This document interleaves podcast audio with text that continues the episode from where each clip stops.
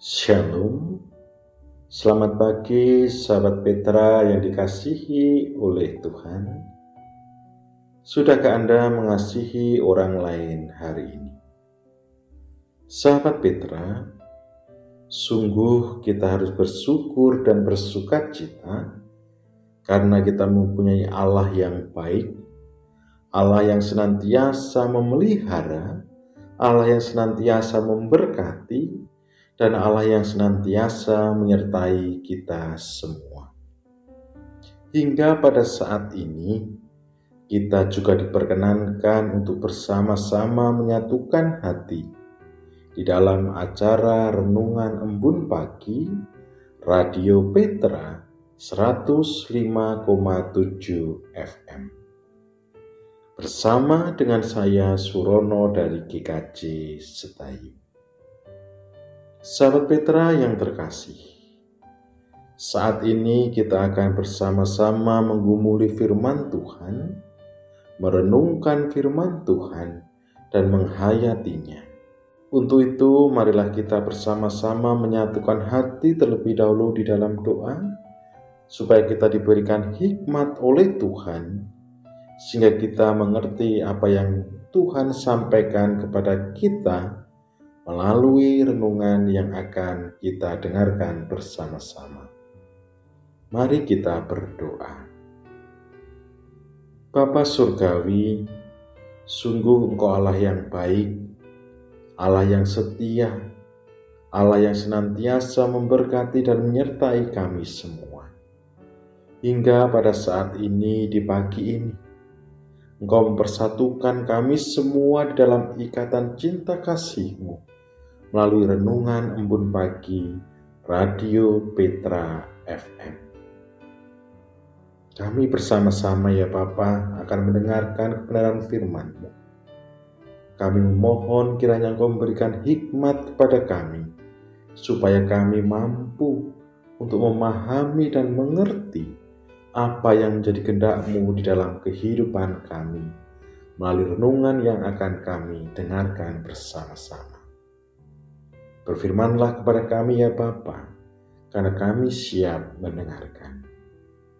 Amin.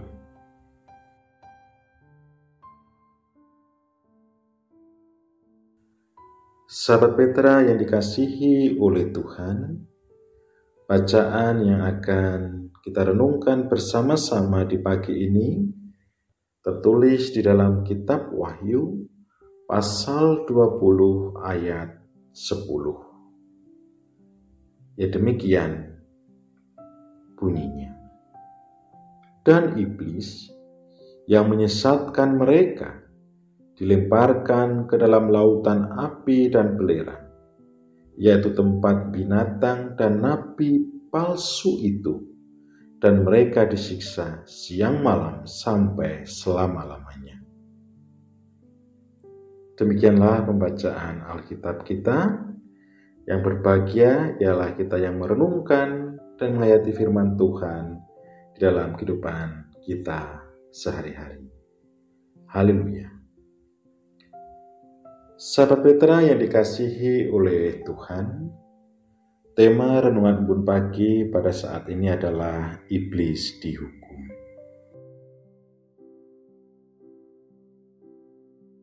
Dengan tema yang akan kita bahas pada saat ini, tentu sahabat Petra semua sudah tahu dan paham bahwa bagaimana iblis itu pekerjaannya adalah menyesatkan orang-orang percaya. Iblis menyesatkan setiap manusia dan bahkan memakai berbagai macam cara untuk menyesatkan manusia supaya manusia jatuh ke dalam dosa. Di sekitar kita pada saat ini, terlebih yang dekat dengan kita adalah media sosial. Seringkali kita juga melihat, kita juga membaca dan mendengar berbagai macam penyesatan-penyesatan yang di lakukan oleh orang untuk menyesatkan orang lain. Tentu orang yang menyesatkan tersebut adalah orang yang dipakai oleh iblis untuk menyesatkan orang banyak. Mengapa toh iblis kok perlu dihukum? Yang pertama adalah ia berdosa kepada Allah. Lalu bagaimana iblis juga memutarbalikkan firman Tuhan menghalangi pekerjaan Allah ataupun melawan pekerjaan Allah, menghalangi Injil, mengadakan mujizat-mujizat palsu, menyamar sebagai malaikat terang, dan bahkan menyesatkan orang-orang kudus. Hal ini yang menyebabkan bahwa iblis itu memang layak untuk dihukum karena pekerjaannya, karena apa yang dilakukannya membuat manusia jatuh ke dalam dosa dan jauh dari Allah. Sedangkan sifat iblis adalah ganas dan kejam. Tentu ini adalah sangat jahat dan yang lainnya bahwa iblis adalah licik. Inilah sifat-sifat yang dimiliki oleh iblis. Dan di mana iblis tersebut adalah penguasa kejahatan. Nah, kalau kita sudah tahu bagaimana pekerjaannya iblis, lalu sifat-sifatnya iblis, tentu kita juga memahami betapa beratnya kita sebagai manusia di dalam menjalani kehidupan di dunia ini. Karena tentunya kita akan disesatkan, karena tentunya kita akan mendapatkan perlawanan, dan kita juga akan terus-menerus digoda oleh iblis. Tapi ada satu hal yang harus membuat kita bersuka cita, di mana iblis dihukum di mana iblis dikalahkan oleh Allah. Dan iblis yang menyesatkan itu akan dilemparkan ke dalam lautan api dan belerang, yaitu tempat binatang dan nabi palsu, dan mereka akan disiksa siang malam sampai selama-lamanya. Hal ini yang harus membuat kita bahagia ketika kita dekat dengan Allah, ketika kita terus-menerus mengandalkan Allah dalam kehidupan ini, dan kita juga melawan kekuatan-kekuatan jahat, melawan iblis di dalam kehidupan kita. Kalau kita membaca keseluruhan pasal 20, kita dapat melihat bagaimana disampaikan, diceritakan tentang kerajaan seribu tahun lalu iblis dihukum dan hukuman yang terakhir. Mengapa ada tiga hal di dalam Wahyu 20 ini yang dibagi yaitu masa seribu tahun ayat 1 sampai 6, lalu peperangan terakhir ayat 7 sampai 10, dan juga penghakiman terakhir ayat 11 sampai 15. Yang pertama, Masa seribu tahun itu disebutkan enam kali dengan acuan yang berbeda. Di mana masa itu iblis dirantai, bangsa-bangsa akan bebas dari tipu muslihat, dan orang-orang kudus, para martir akan dibangkitkan dan memerintah bersama-sama dengan Kristus. Ini pasti melambangkan keseluruhan masa kini antara kedatangan Kristus yang pertama dan yang kedua.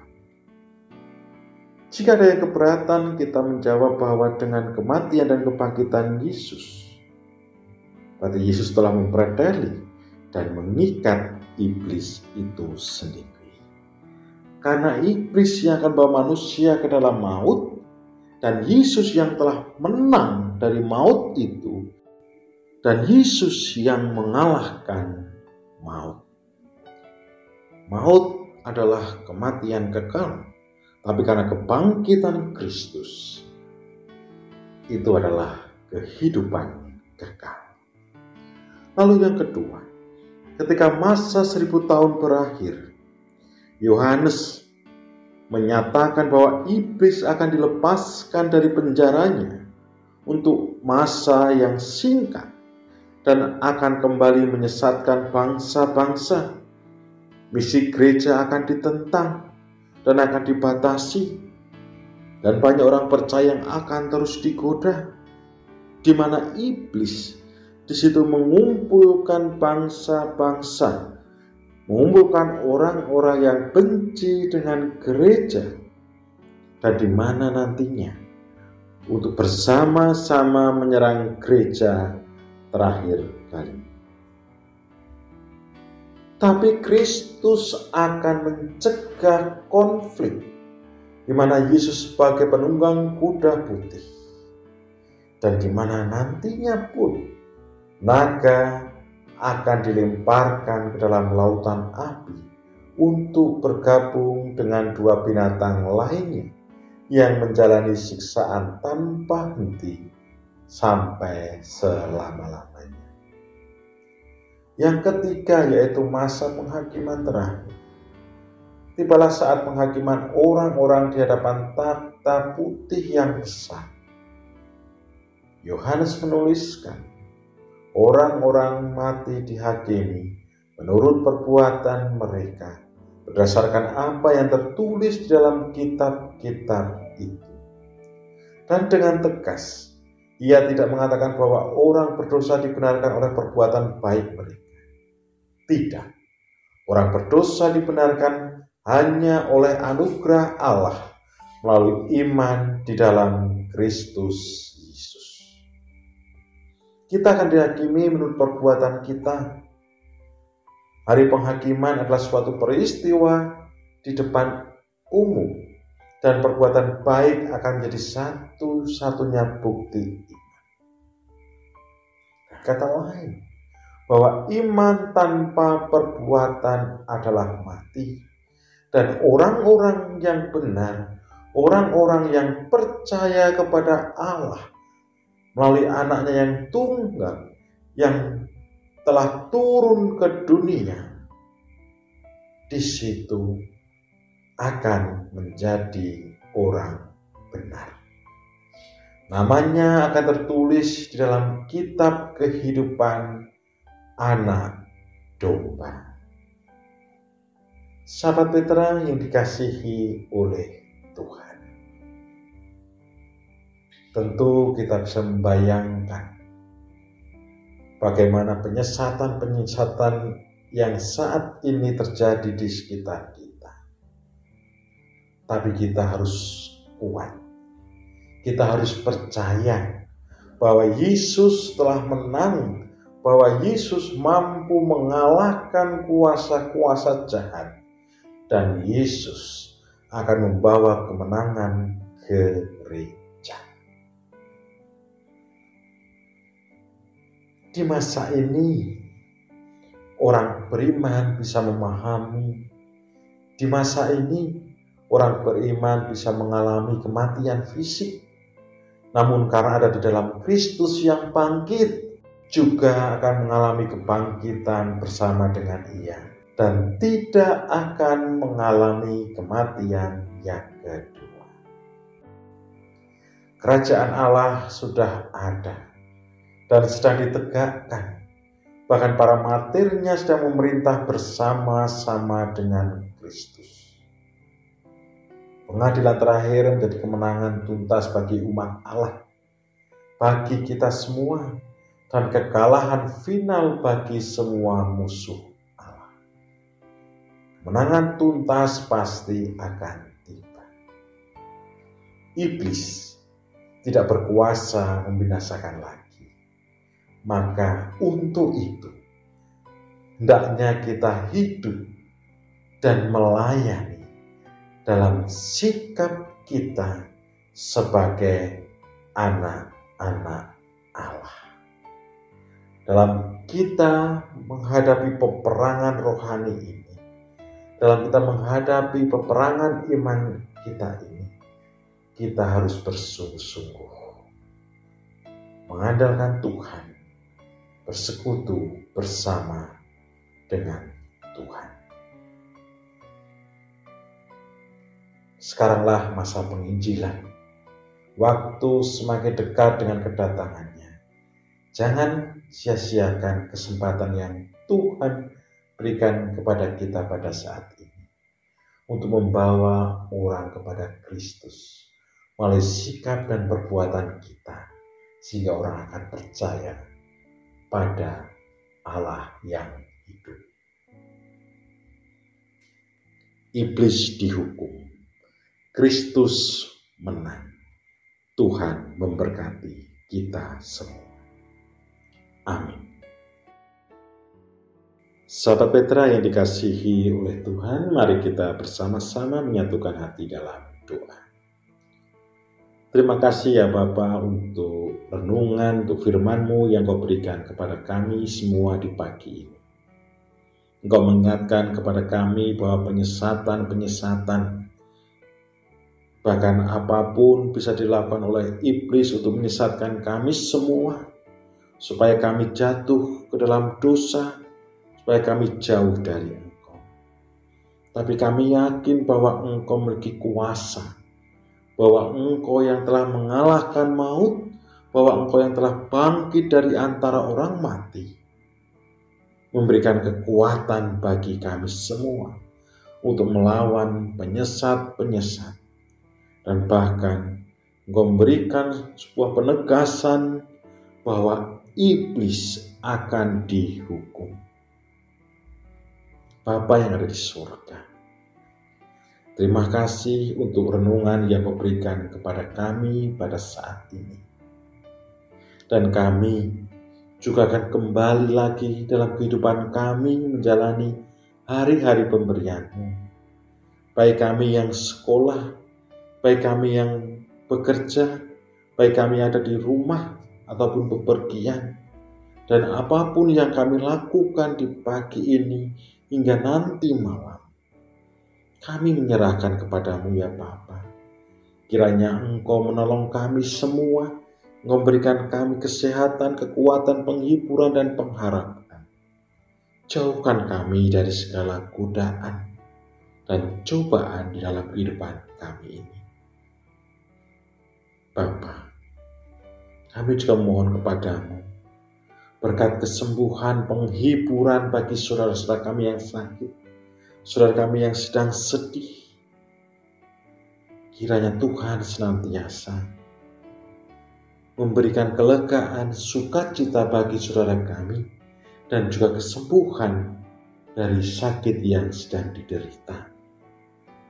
Kami juga mohonkan berkat bagi keluarga kami, Orang tua kami yang saat ini masuk usia lanjut, anak cucu kami, pasangan hidup kami, Tuhan senantiasa menjaga keluarga kami, supaya kami menjadi keluarga yang baik, keluarga yang harmonis, yang dapat mencerminkan citra Allah, dan kami menjadi Injil-Injil yang hidup untuk mewartakan kabar sukacita.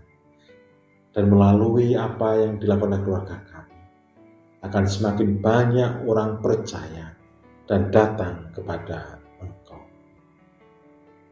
Bapa, kami menyerahkan hari ini setiap pekerjaan kami, baik kami yang sebagai petani, pedagang, PNS, wira swasta, juga kami yang pelayanan, Tuhan senantiasa mencurahkan berkat kecukupan bagi kebutuhan kami semua. Bapak, Inilah doa kami.